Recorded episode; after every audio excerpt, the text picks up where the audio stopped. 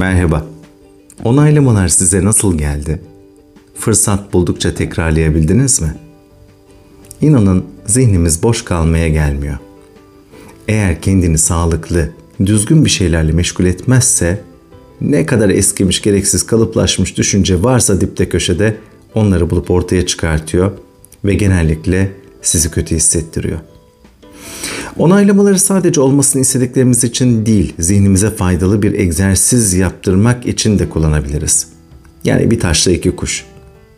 Size fırsat buldukça oturup kendi onaylamalarınızı yazmak için pratikler yapmanızı öneririm. Unutmayın, olmak istediğiniz kişi, hal ve yaşamak istediklerinize dair sadece olumlu yapıda ve şimdiki zaman veya geniş zaman formunda olsun cümleleriniz. Bu haftanın çalışma konusu kendimizle mutlu olabilmek. En son ne zaman kendinizi hoş bir kıyafetle dışarıya davet ettiniz? Bir restorana, bir kafeye veya bir sinemaya. Eğer siz de ya bir başkasıyla bir yerlere gitmek daha keyifli. Neden bir başıma gideyim ki diyenlerdenseniz kendinizle baş başa kalmaktan ürküp ürkmediğinizi veya kendinizden gerçekten memnun olup olmadığınızı gözden geçirmenizi öneririm. Hayat elbette dostlarla, sevgiliyle, aileyle paylaşınca başka bir güzel oluyor.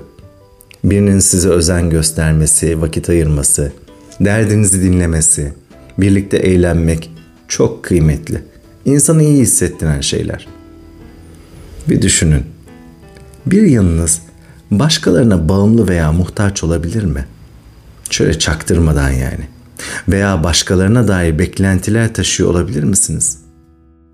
Bağımlılık, muhtaçlık, beklenti hali ileri vadede hayal kırıklığı yaratan ve kişiyi içten içe tüketme potansiyeli taşıyan bağlar haline dönüşebiliyor.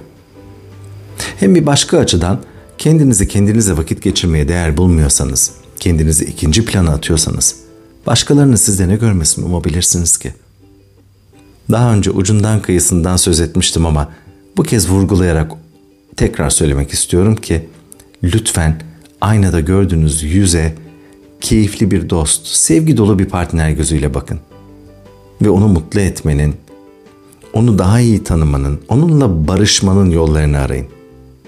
Ona kızmama, onu azarlamama, cezalandırmama sözü verin. Daha da önemlisi ona moral verin, umut verin, cesaret verin, sevginizi ve ilginizi verin. Size birlikte ömür boyu mutluluklar diliyor. Sevgiyle kalın.